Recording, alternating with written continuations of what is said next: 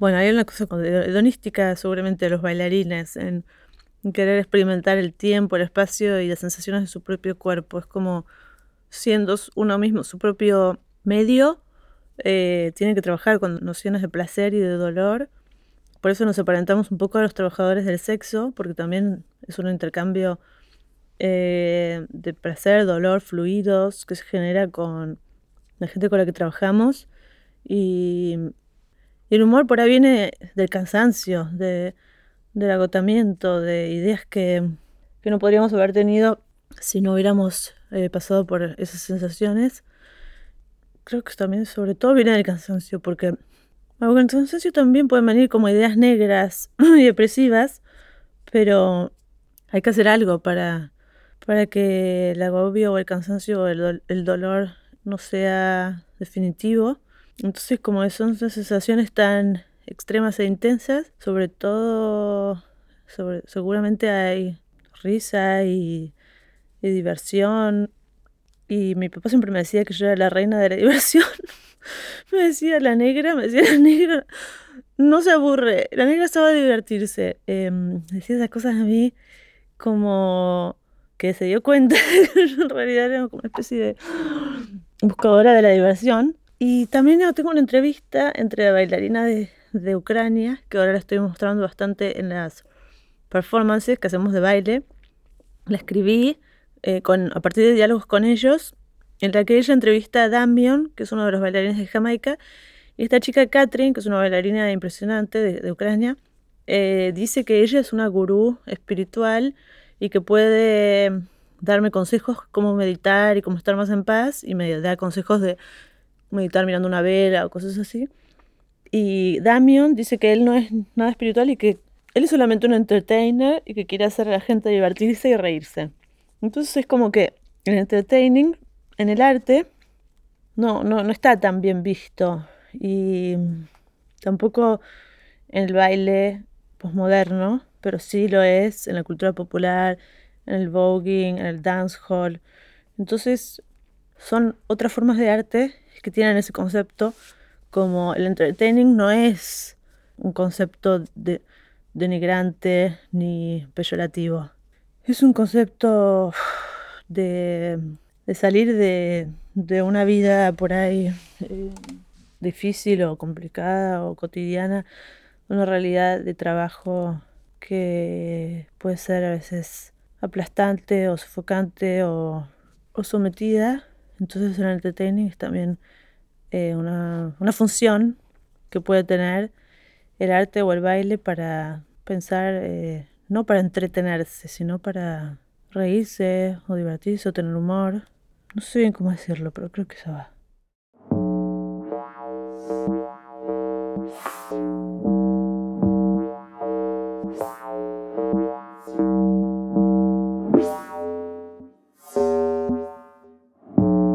Artista multidisciplinar, Cecilia Bengolea entiende la danza como una herramienta y medio para la empatía e intercambio emocional.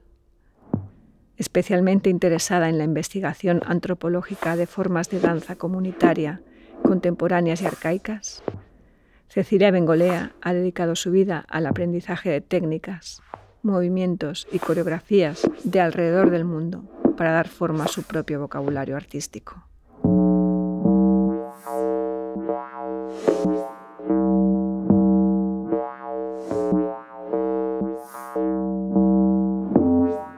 Un archivo encarnado de movimiento y baile que ha construido individual y colectivamente y que recurre al cuerpo como una escultura animada para la performance, el vídeo o las instalaciones.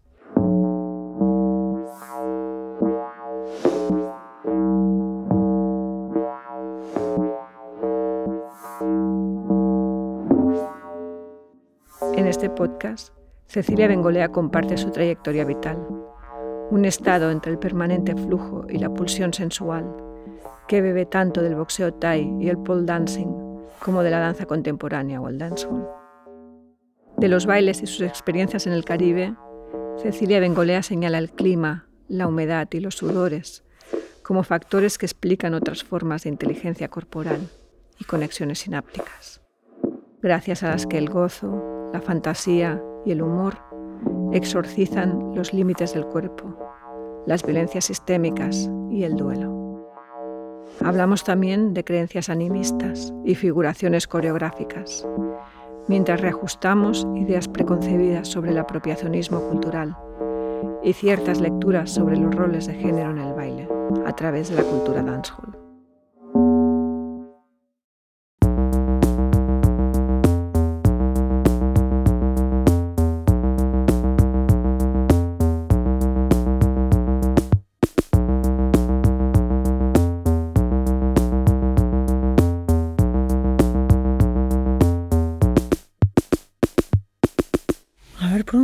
Porque tengo miles de versiones de cómo empecé.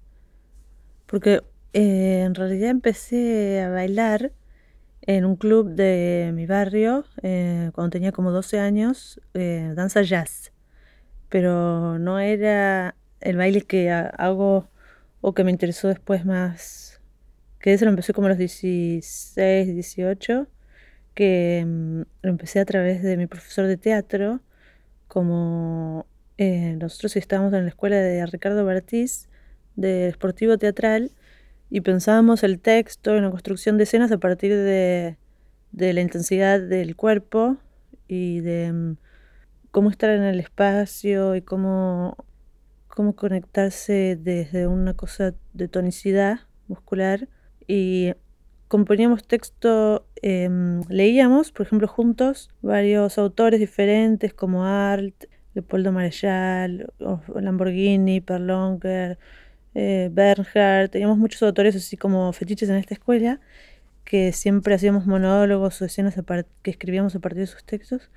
Y a partir de eso yo me di cuenta que quería como profundizar eh, a partir de estados del cuerpo, que el texto estuviera anclado en una, en una composición física entonces ahí fui a lo de mm, Guillermo Angelelli, que era un alumno de Eugenio Barba en Argentina, es, de la escuela de Grotowski. Entonces ellos hacen como las danzas antropológicas, que quiere decir que hay un grupo eh, de bailarines en el mundo que van a encontrarse de tanto en tanto a la comunidad esta en, ¿dónde en Dinamarca y se enseñan las danzas de donde ellos vienen. Unos vienen de Bolivia, otros de India, otros de Japón y se juntaron para hacer un colectivo y conocen danzas arcaicas cada uno de su cultura y también gente que no es de, ese grupo del propio país va a diferentes países y aprende también danzas antiguas y a partir de eso son como danzas medio largas, medio de maratón en general, algunas, que llevan, por ejemplo, la danza de Bolivia, la danza del viento, del altiplano de Bolivia. Son danzas que por ahí llevan a estados interesantes porque la utilización de la respiración genera como, en especial en esta danza de Bolivia, una hiperventilación.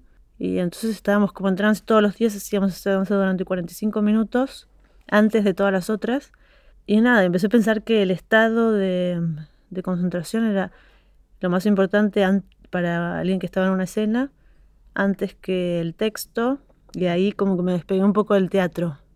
Entonces, eh, el estado ese de concentración eh, también después se transformó como en varios días y meses eh, de estudio de las danzas del Caribe para mí, en donde mm, la gente que conocí en Cuba o en Jamaica también me interesó sus construcciones de baile y de ideas alrededor del cuerpo porque se pasan muchas horas, entonces obviamente que uno baila mejor, cuanto más tiempo estás más eh, hay una como dilatación entre lo interno y lo externo y las ideas y ideas de uno y de los otros, más permeabilidad.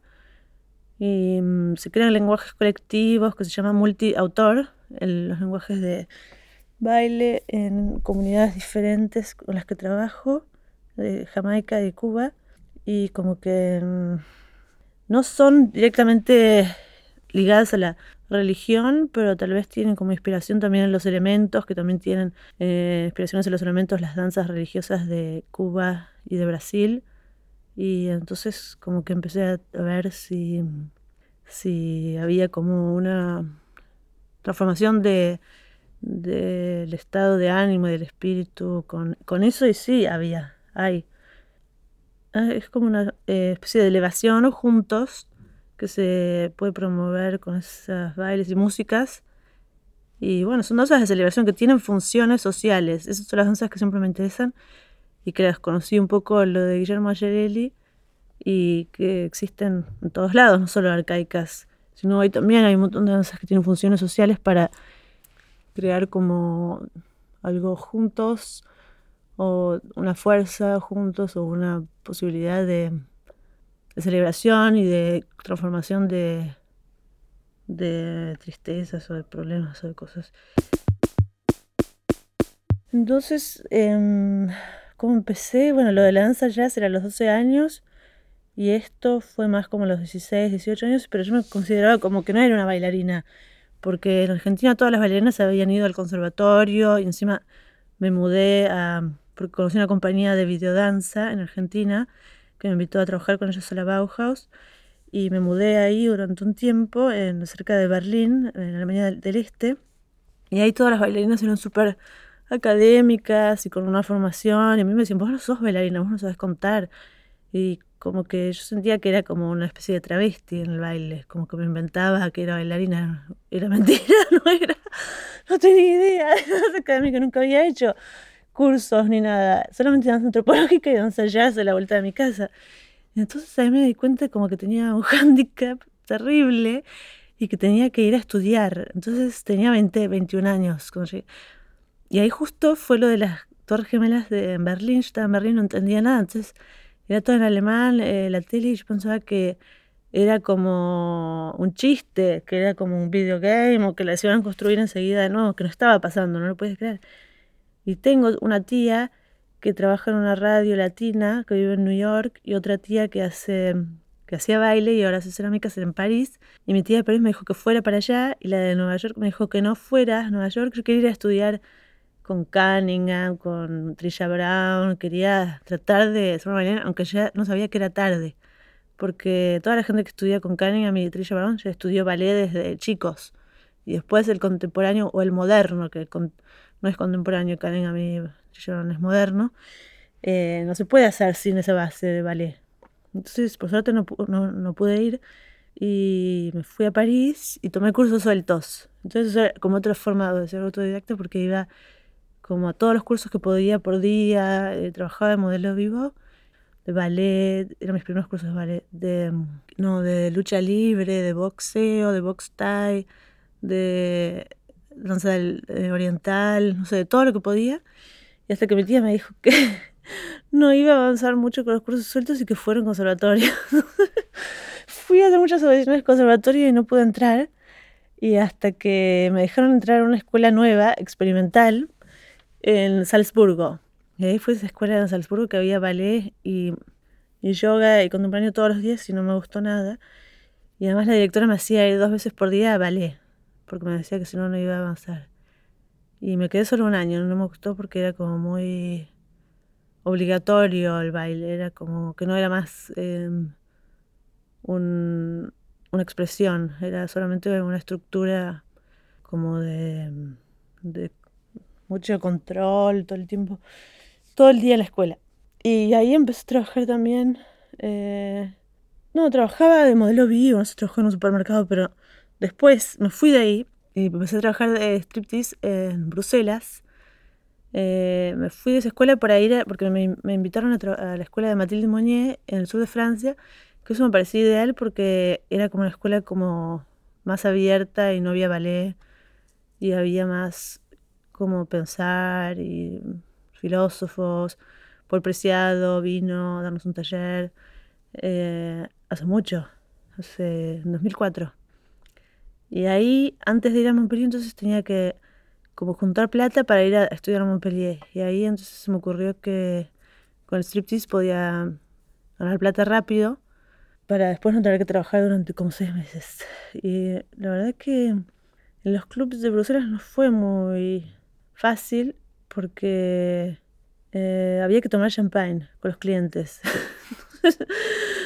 Estábamos todas como muy borrachas y era como muy agotador.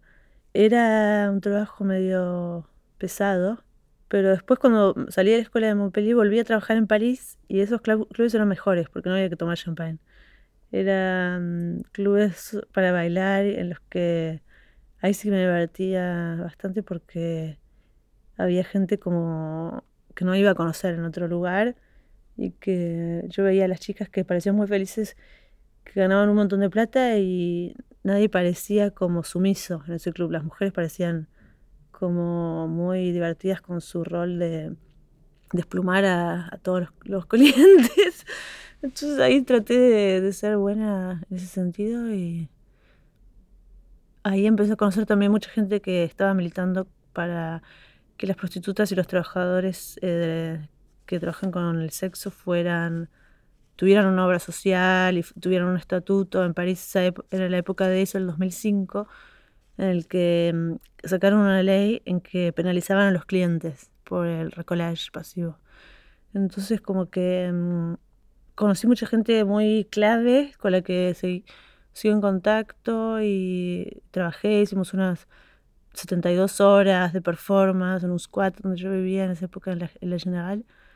Eh, hicimos esa primera obra con François Geniot que se llamaba Paqueret, eh, en la que bailábamos como con la sensación de los orificios, especialmente del, del ano, con un objeto que no se veía, pero eh, porque en el Body Mind Centering habíamos estudiado en los años 70, había una como inspección interna del cuerpo para, para producir sensaciones y para bailar a través de sensaciones y no de formas, pero con una especie de puritanismo típico de los años 70 en Nueva York, del arte minimal y conceptual.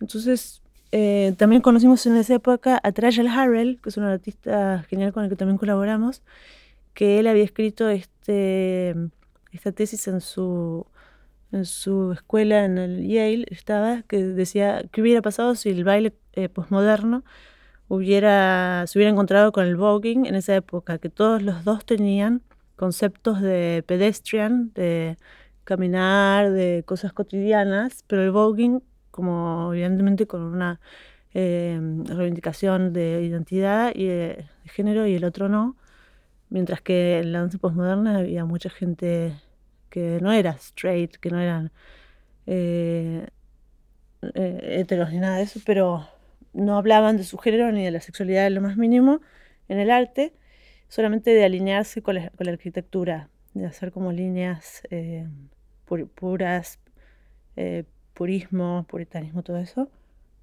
Entonces con la obra Paqueret fue como que seguimos tratando de ver qué podía hacerse con la inspección de, la, de las sensaciones para crear movimiento y también como em, apropiarse de, del discurso de partes que, no habían sido aceptadas en la historia de la danza, mientras que igual la danza moderna, como Marta Graham, ya ella hablaba de una fuerza de los órganos femeninos, sexuales femeninos, para bailar, pero no lo, tal vez no lo explicitaba en un, en un discurso tan eh, explícito, sí.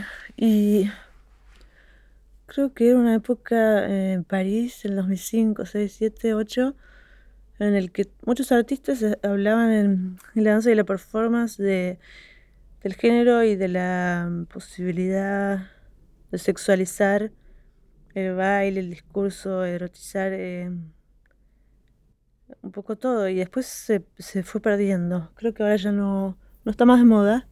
Por ahí estaba volviendo ahora, pero hubo una época entre el 2009, ponele, y el 2000...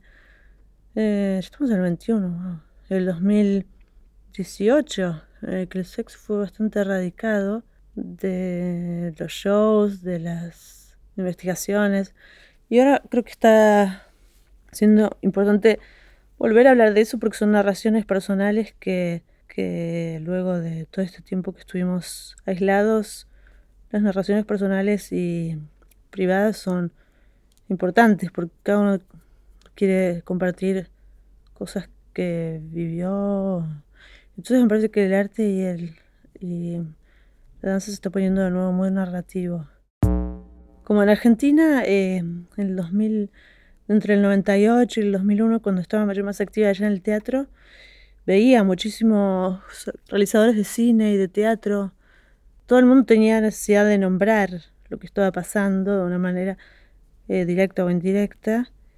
Y creo que, que siempre sucede con sociedades bastante como sometidas, en el que el arte narrativo es súper importante. Entonces, ahora, mundialmente, me parece que el arte que cuenta historias personales es importante de nuevo.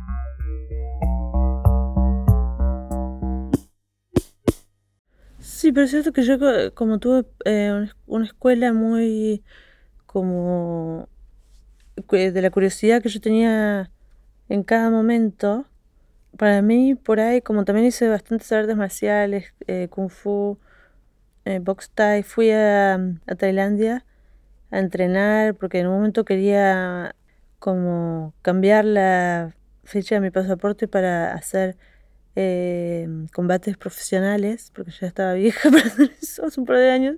Quería hacerme un falso pasaporte para, para ser realmente eh, profesional en box Thai. Eh, entonces me entrenaba todos los días como cuatro horas, como realmente si fuera a, subirme al ring y todo. Y al mismo tiempo ya estaba con la investigación que sigo con los bailes del Caribe, en, en las que hay muchas danzas muy violentas con pistolas y con em, mímicas y onomatopeyas físicas de, de matar. Y tengo bastantes amigos que desgraciadamente perdieron sus amigos en la mitad del día a reglamento de cuentas en la calle y la verdad que empecé a, a dejar un poco todas las artes marciales y todo eso y a pensar que los bailes que me interesaban no eran los, los que tenían las pistolas, los de Jamaica, sino los que tienen como más relación con una ondulación y una, una celebración de, de, cosas que son más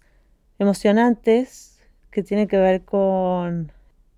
Bueno, si pongo, me pongo a pensar en las canciones me van a llorar porque son unas canciones que eh, hacen como tributos a la a gente que no está más y son eh, unos bailes em, mucho más ondulados y como en donde el esternón es el, em, el centro de gravedad que hace que todo el cuerpo siga.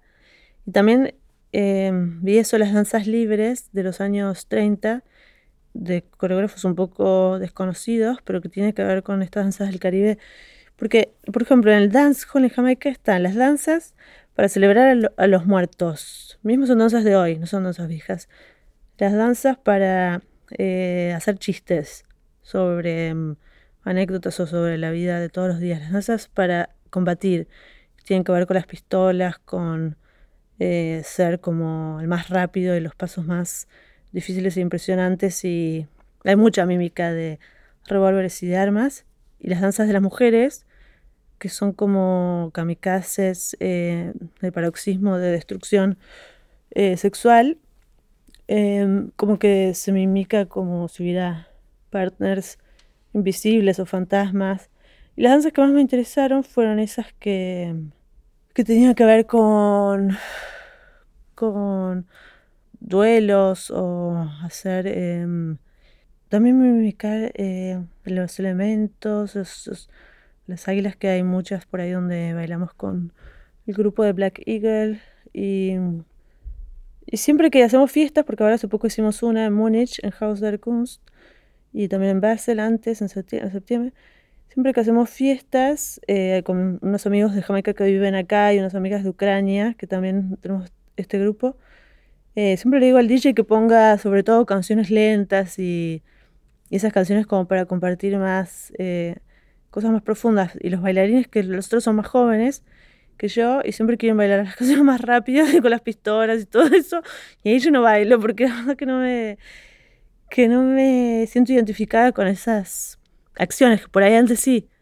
Con lo de las artes marciales me encantaba eh, pensar que el cuerpo podía ser un arma y el eh, Dance is a Weapon era también una, una como eslogan de los años 70 de que la danza también podía ser un arma de, destrucción de códigos eh, sociales eh, muy establecidos y entonces eso fue también lo que animó un poco el Jetson Church con el danza contacto y con ese, era, ese grupo trató de llevar la gravedad y la jerarquía de un grupo de baile a un lugar más horizontal, pero también siempre de esa forma bastante anti, anti-identitaria sexual. Y entonces em, se puede seguir eh, pensando la historia para avanzar. Y em, Sí, entonces tuve un recorrido que la violencia parecía eh, algo muy necesario y de, intensidad, como puede ser también de un país donde vengo, eh, donde siempre estamos más tiempo en las manifestaciones siendo estudiantes que en la universidad y en situaciones de, de incendios o de piedras o de balas de goma, de gas, etcétera, desgraciadamente en Sudamérica eh, siempre se vive eso, todas las generaciones, no solo nuestros padres, todas las generaciones siguen con estados así bastante eh, decretistas y terribles. Entonces como que creo que para muchos jóvenes eh, la violencia es una primera necesidad y después por ahí se puede encontrar también otras maneras de compartir em, energías, eh, porque también como que tampoco se va a llegar siempre con algo, bueno, algún lado con la violencia, no sé.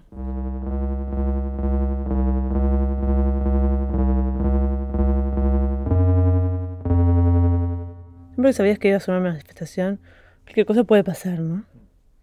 El 2001 fue un horror en Argentina. Hubo varios muertos y todo quemado, todo.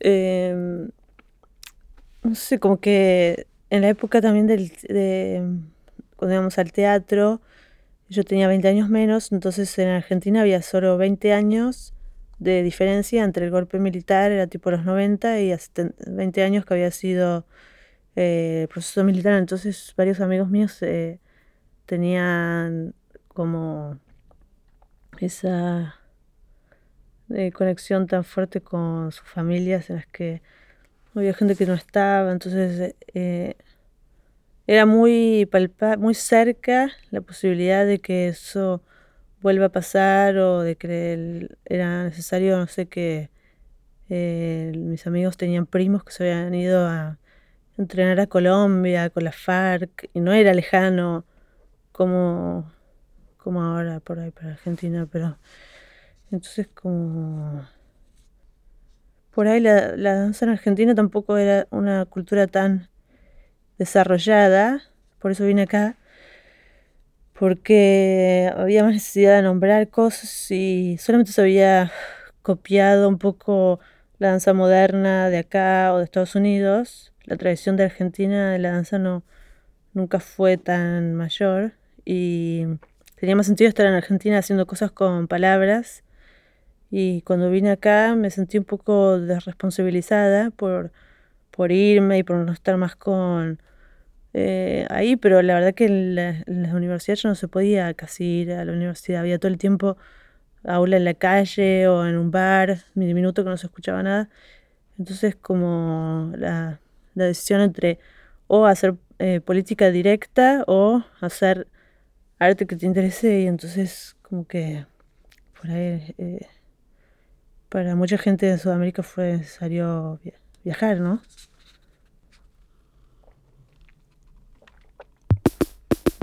Cuando tenía 17, eh, creo que fue, fuimos a Cuba por primera vez con unas amigas mellizas que se, el padre de ellas había muerto. Entonces fuimos ahí como para olvidar un poco, para tratar de hacer un duelo ahí en, Cuba con ellas y su mamá. Yo no bailaba en esa época, tenía 17.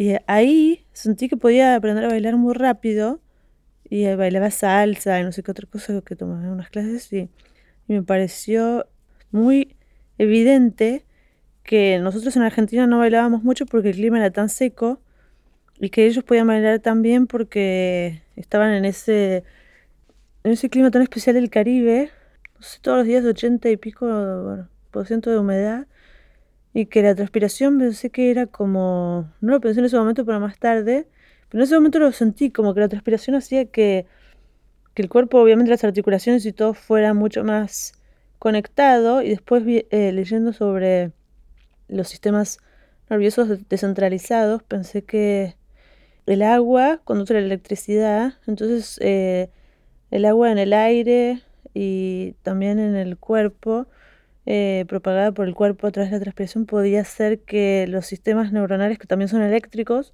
se propagaran y el cuerpo fuera más inteligente descentralizadamente, entonces como que hacia todos los lados podíamos pensar con el cuerpo en esas en esos lugares donde el clima era húmedo. Y entonces dije, ah, claro, en Argentina bailamos todos duros, así como en el tango, todo recto y, y, no, y no, no, no, puedo avanzar mucho.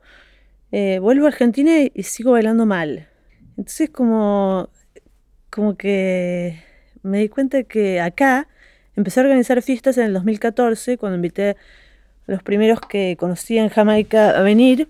Hicimos unas fiestas primero en el Valle de Tokio, después en Stromboli, en el volcán, después en varios lugares. Y como que em, pensé que íbamos a poder traer esa posibilidad de ritual de, baile juntos acá, porque era la música de allá y con bailarines de allá. Pero todavía me parece que no. Me parece que es como hay lugares eh, energéticos o también de clima que producen más inteligencia física y acá no, por más de que fui a fiestas hace poco, después de la pandemia en Europa y todo, pero, y, hice, organizamos la fiesta en mayo en la Casa Encendida. después, en varias, todo el año, y igual sigo extrañando el 2019 que no voy al Caribe y sigo extrañando esa sensación de que puedo bailar bien. Acá no, acá siento que, que sigo siendo un poco esotérica en ese sentido. Bueno, cuando tenía 18 años fui por primera vez sola a Chiapas y a Oaxaca y ahí hice unos rituales porque le quería preguntar a, los hongos del Oaxaca, de Huautla de Jiménez, qué tenía que hacer en mi vida. Y yo estaba haciendo teatro y baile y quería que los hongos me dijeran que tenía que bailar. Y me hicieron ver eh, víboras por todas partes y también mi columna era una víbora. Entonces, los hongos mismos me dijeron que tenía que hacer eso, bailar. Y yo estaba feliz, me volví a Argentina diciendo, ah, tengo que bailar, tengo que bailar. Y era como un delirio, porque en Argentina nadie realmente tomaba la carrera de baile como una profesión. No hay compañías de baile, hay ponerle dos, la del Teatro San Martín y la del Colón, y después todo el mundo eh, como que sufre un poco los bailarines allá para, para crear cosas eh, diferentes todos los años. Se pasa muchos años con la misma obra. No es muy dinámico. Eh, no tenía ni idea de cómo iba a ser para hacer eso, pero la verdad que para mí el baile, porque estaba leyendo eh, Artaud, Antonin Artaud, que decía que los tarahumaras y la energía em, como magnética de una parte de Oaxaca y también del Tíbet eran dos centros energéticos en los que uno podía pensar de, una manera particular. Eh, entonces fui ahí para, como para meditar y tener una pregunta medio existencial, iniciática, y me ayudó a decidir eso, pero sigo sintiendo que acá en Europa no, no puedo bailar en realidad. y que mm, por eso hago más videos ahora, porque trabajo con gente que con la que puedo eh, trasladar esta experiencia acá, em, estando en lugares en los que tienen como una especie de magia eh, o, o, una conjunción de clima y de, locura eléctrica, porque la verdad que los, no sé en el video Lightning Dance si vieron que es cierto que hay una relación entre entre el paisaje, el clima y los actores. No, no filmo solamente los actores, filmo eh, la relación entre ellos. Y como que por eso dejé un poco el teatro, los bailes en los teatros y todo eso, porque me pareció que era un lugar un poco estéril. Y hice eso durante como 15 o 20 años en Europa, pero ya no quería hacerlo más. Porque me pareció que era un lugar como medio muerto.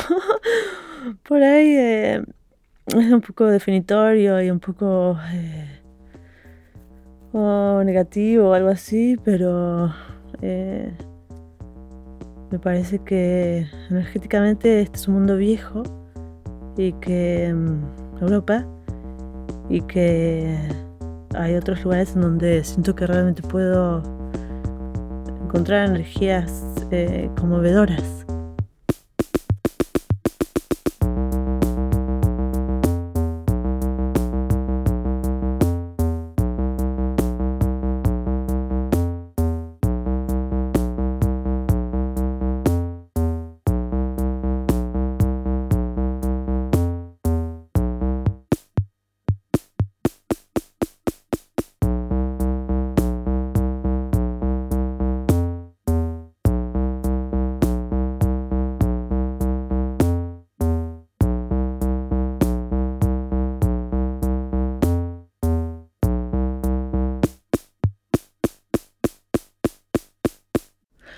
Ah, porque está, bueno, eh, lo de Cuba también trabajé bastante tiempo en una compañía de baile allá, Malpaso, que hice coreografías para ellos, que después mostramos en Hamburgo y en New York.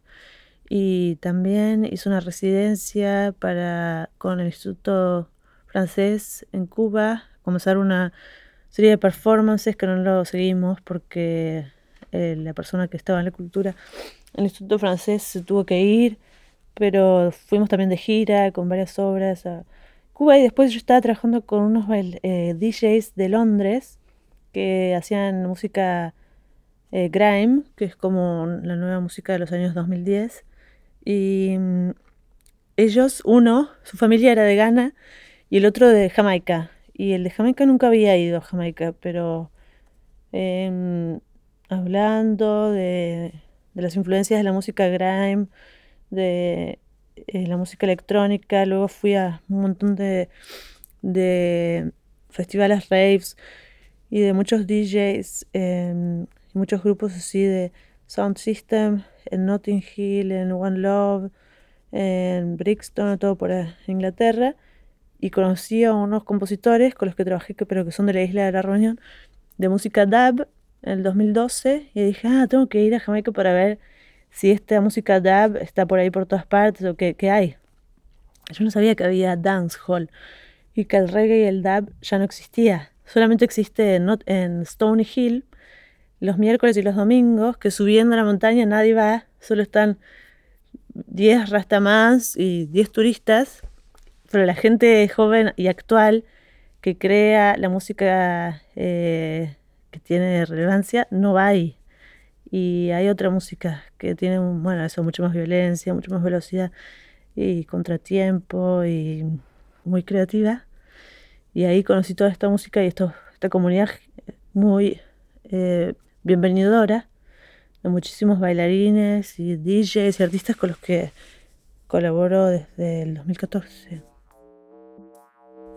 Es muy influyente Jamaica desde hace años en la música mundial. O sea, para mí era muy importante ir ahí, no, no era un lugar em, que mucha gente va ahí y no puede parar de ir.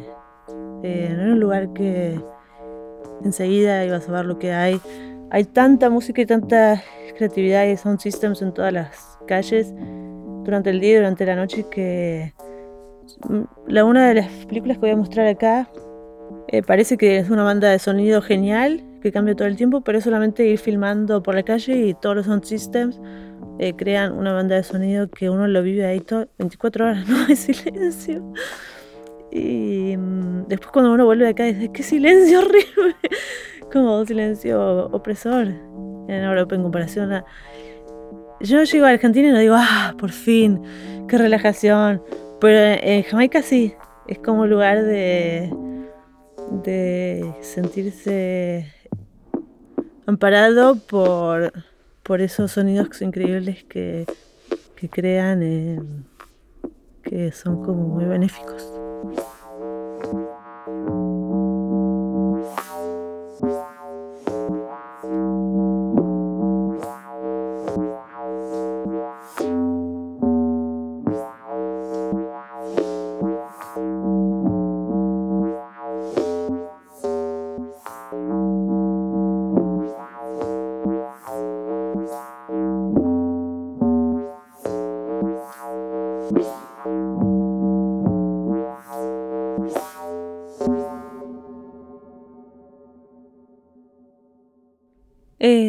Me parece que bastantes eh, bailes sociales en Sudamérica tienen como una...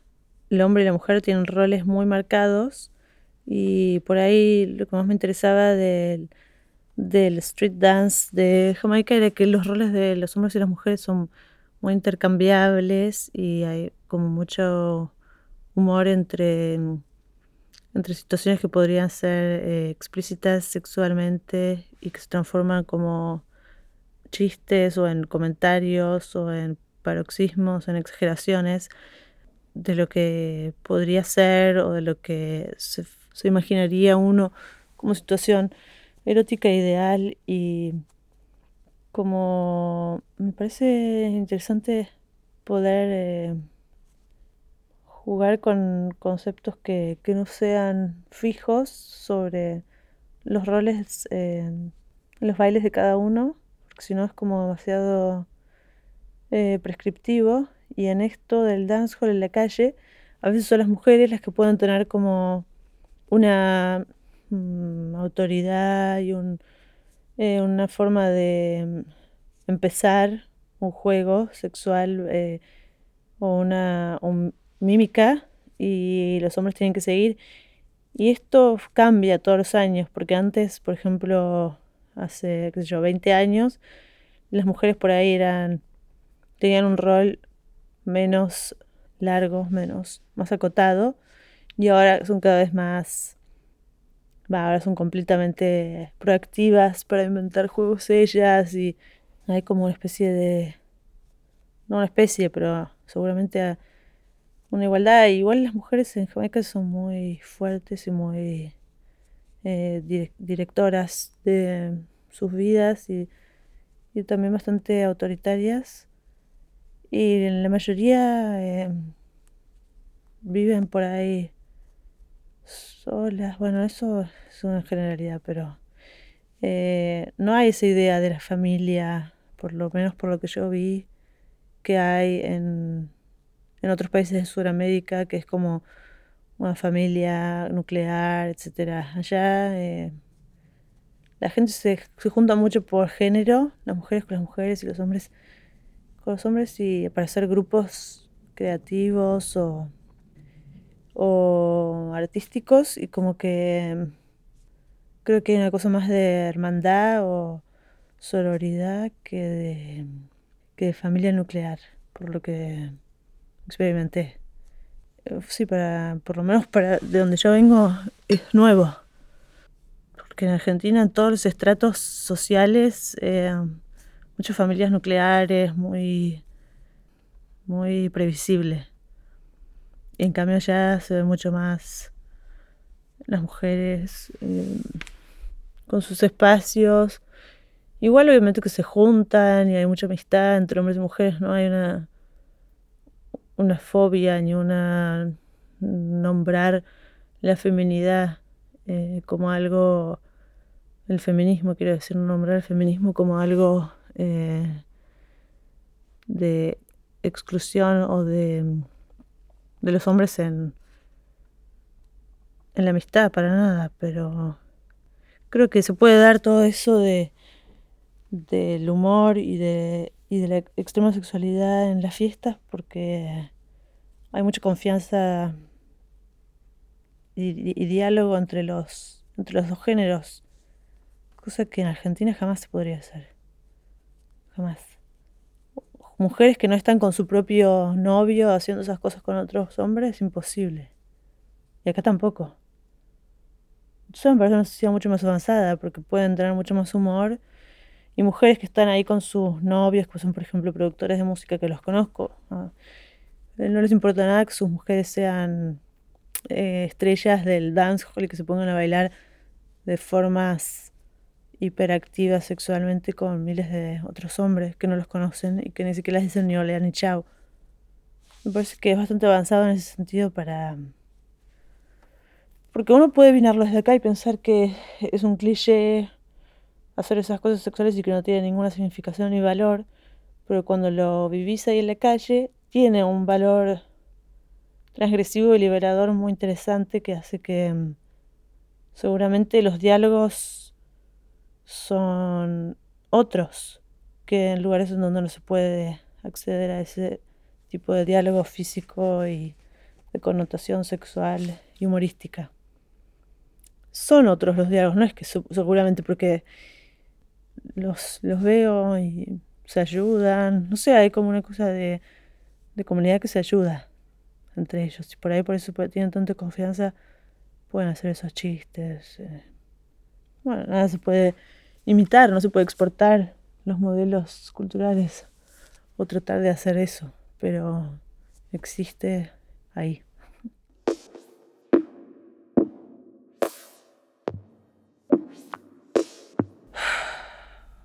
La violencia en Jamaica no es, em, quiero decir, que la gente que viene em, a visitar o a tratar de comprender o compartir la cultura de ellos no es, no, no está en peligro porque no pertenecen a ningún gang. Entonces como eh, la gente que viene eh, es como más una posibilidad para intercambiar con ellos, para invitarlos. A, yo invité a varios bailarines a Argentina, a New York y a Europa.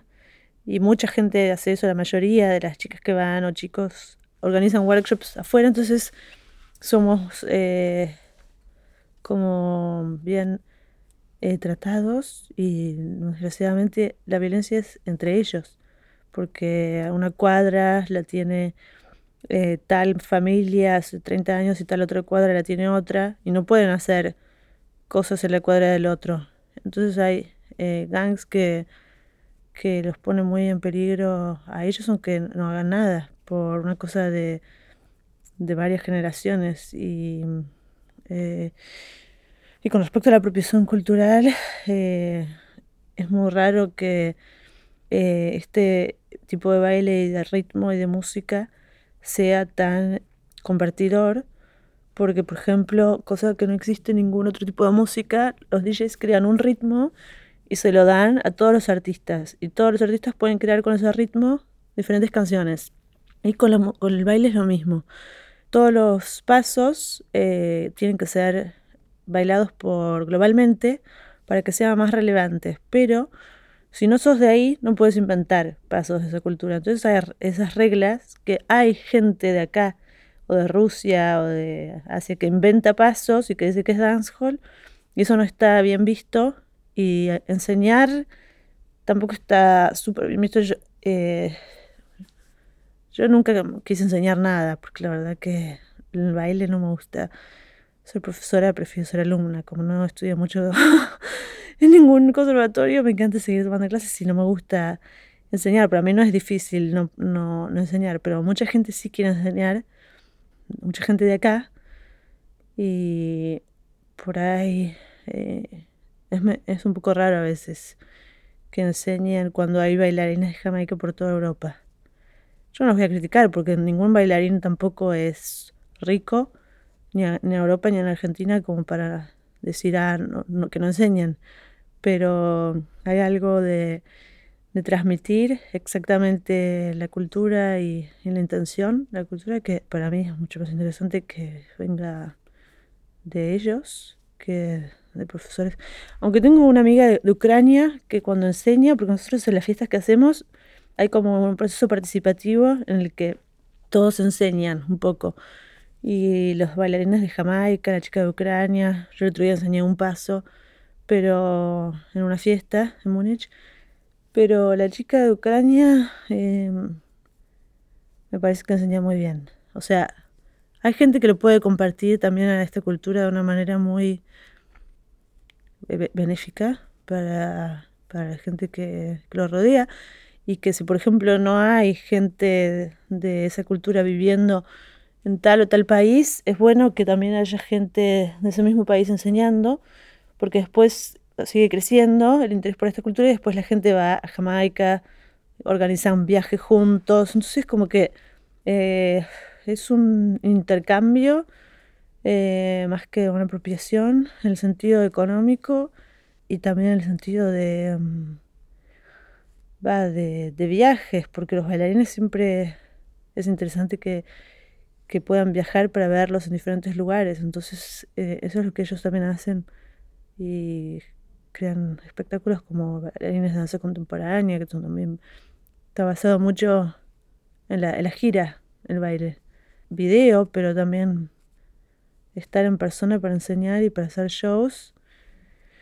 Y eh, no sé, como que puede ser que a veces piense que esto, la apropiación cultural sea, o que esto de del baile de Jamaica sea como un, una buena excepción a lo de la apropiación cultural porque, por ejemplo, en otros bailes no se puede copiar eh, lo que hacen los creadores del hip hop o los creadores de, del voguing. Cada uno tiene que inventar su identidad y no se puede copiar y apropiar de los otros. Pero en el dancehall sí, hay que, hay que intentar copiarlo como para lo más posible para, para respetar las intenciones del paso, la significación y para que el paso sea lo más popular posible, la mayor cantidad de gente lo tiene que hacer. Entonces es como un concepto que va en contra de, de, lo, de lo que se dice apropiación cultural, porque cuanto más se ha hecho el paso en todo el mundo, el paso es más significativo, eh, meaningful y relevante. Entonces, es una suerte porque podemos hacer esos movimientos que son geniales y con esas músicas y no y nadie en Jamaica nos va a decir que le estamos apropiando de escultura.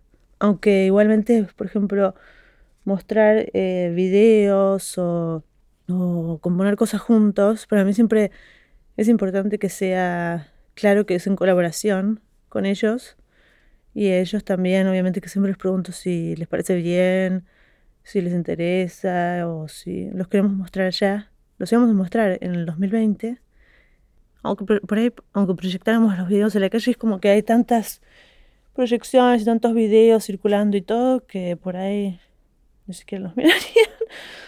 Porque el espectáculo pasa todos los días, todo el tiempo ahí. Todo el tiempo uno está filmando como cosas que son muy em, performativas y no, no, las no, las em, ¿cómo decir? Em, creo que la idea de la performance es muy diferente ahí.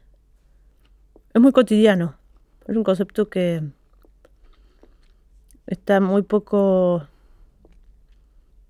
sacralizado, no, un poco como, no sé cómo palabra decir. Con shows y con performance es algo muy inmediato que Mm, no, no, no hay como una ceremonia para eso, ni, una programación, ni un lugar, ni una institución que, que muestra eso y que la gente tiene que ir y hacer una cola y escribirse. Eso sucede todo el tiempo en cualquier lado, como que hay una articulación del humor y de la y de las respuestas de los unos a los otros con acciones y con conceptos de movimiento, de música, mismo cuando los DJs se pasan un ritmo, le pasan el ritmo que crearon a 10 artistas y al día siguiente o a la semana siguiente todos encadenan, los DJs encadenan tal ritmo, 10 canciones, 20 minutos de ese ritmo. Entonces es como una muy prolífico la, creación que, que, no creo que, un film más o un film menos les, vaya a, impresionar. Entonces, eh, no, eso para decir que es uno de los lugares más creativos que vi eh, eh, y se aparenta un poco a Japón, en ese sentido, a, la invención de identidades y de construcción de seres imaginarios que hay también en, en la cultura antigua y también en la cultura de mangas de Japón. Y hay mucha relación también entre DJs de Japón y Jamaica dicen from ya to ya. Y ya es eh, Dios, Dios, la identidad, la entidad. Y se invita mucho mutuamente, son como dos culturas, como una fantasía muy nada, eh, exacerbada, creo.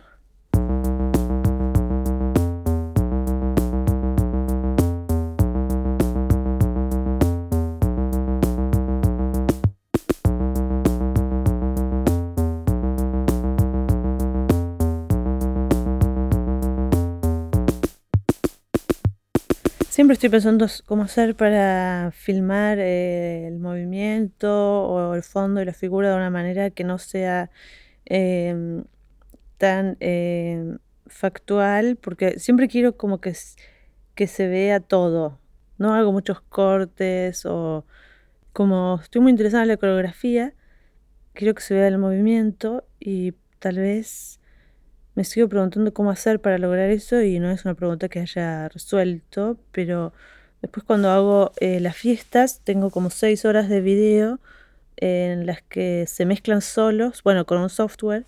Tengo un software que por algoritmos que como que combina color, música y velocidades, mezcla todos esos videos y de repente cuando veo todo eso durante tantas horas, porque algunas fiestas duran muchas horas, eh, digo, ah, quiero filmar más de tal manera, de tal otra manera. Y como que eh, es todavía una pregunta, porque es muy difícil filmar eh, una acción cuando también estamos interesados en, en lo que está alrededor, en el contexto, y por eso mismo no filmo en estudio, ni, hago obras en una caja negra o blanca, como que me gusta bueno, tanto tanto hago performances, pero porque, porque me gusta trabajar también con ciertos bailarines que están acá. Pero para filmar es como tan difícil eh, poder transmitir algo especial de, de un contexto tan grande y tan eh. Entonces como que es bueno no estar conforme para mí con algo que ya hice o con una forma de hacer o con la frontalidad o con cosas así, porque me impulsa a hacer algo de otra manera, pero como que sí, es interesante ver cómo se puede filmar. O por ejemplo, ahora estoy haciendo unas performances con unos bailarines jóvenes em, de conservatorios en Francia, que les pedí que me inviten para estar en relación con las generaciones jóvenes de, de acá, porque hace mucho que no lo estaba y como está la pandemia y no podía ir a, muy lejos. Estuve trabajando este año bastante en Francia con bailarines jóvenes de conservatorio, de estudiantes, y hacemos muchas performances que son como de espaldas al público y como bailes que, que tienen como un pensamiento sobre la frontalidad o el perfil o casi como si fuera eh, mise en scène para una filmación. Y los voy a filmar ahora en un estudio verde para hacer un collage.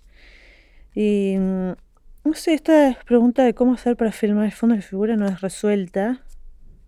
Y es eso lo que me da ganas de seguir haciendo cosas porque. No sé, no, no veo muchas películas que de movimiento, de coreografía que, que me inspiren tampoco. Entonces me parece genial que sea un terreno un poco libre y desconocido para mí.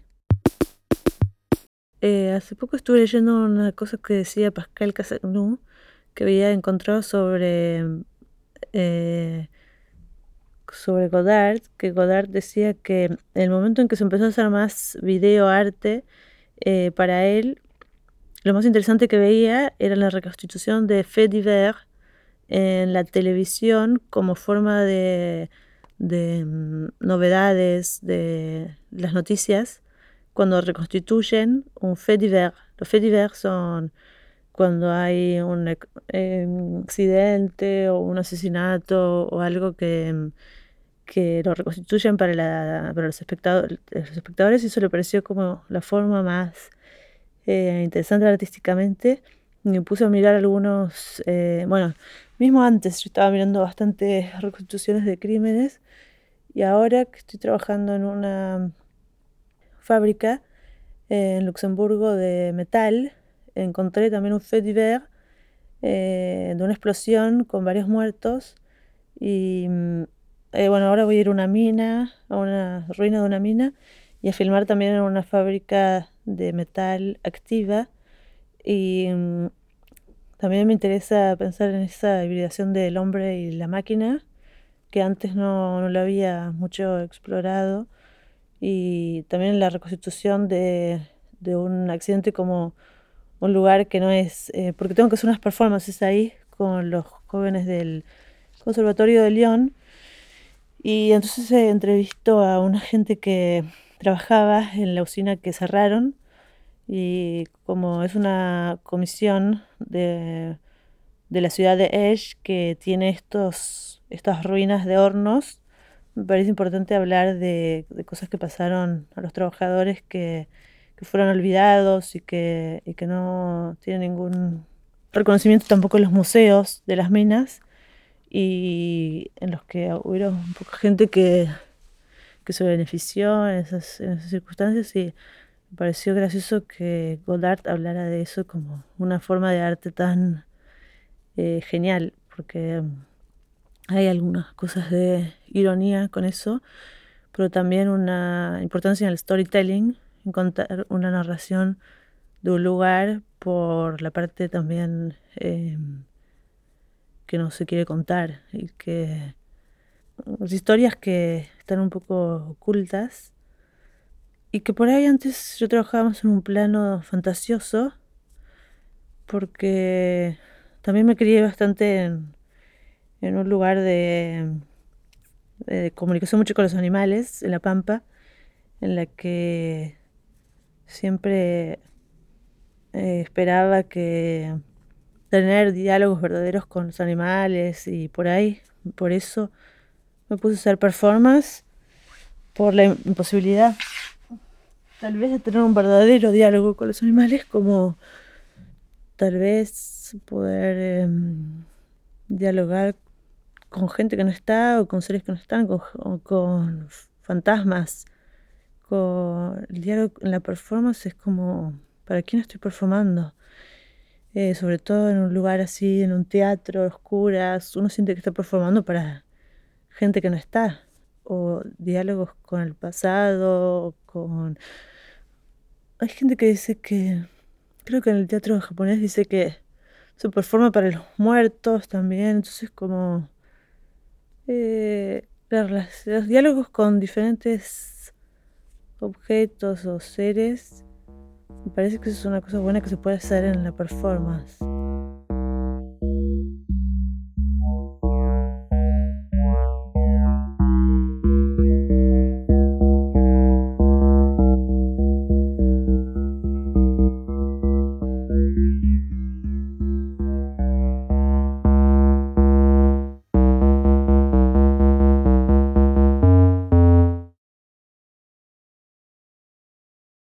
La verdad que a mí me divierte mucho más eh, hacer las performances que hago cuando sea más vieja, porque así eh, va a ser más gracioso y como que mm, tengo una amiga que tiene 72 años que baila con nosotros en escena en danzas libres y me parece como más eh, fuerte la decisión y la intención artística de poder hacerlo con un cuerpo que no sea completamente performativo y joven y sexy.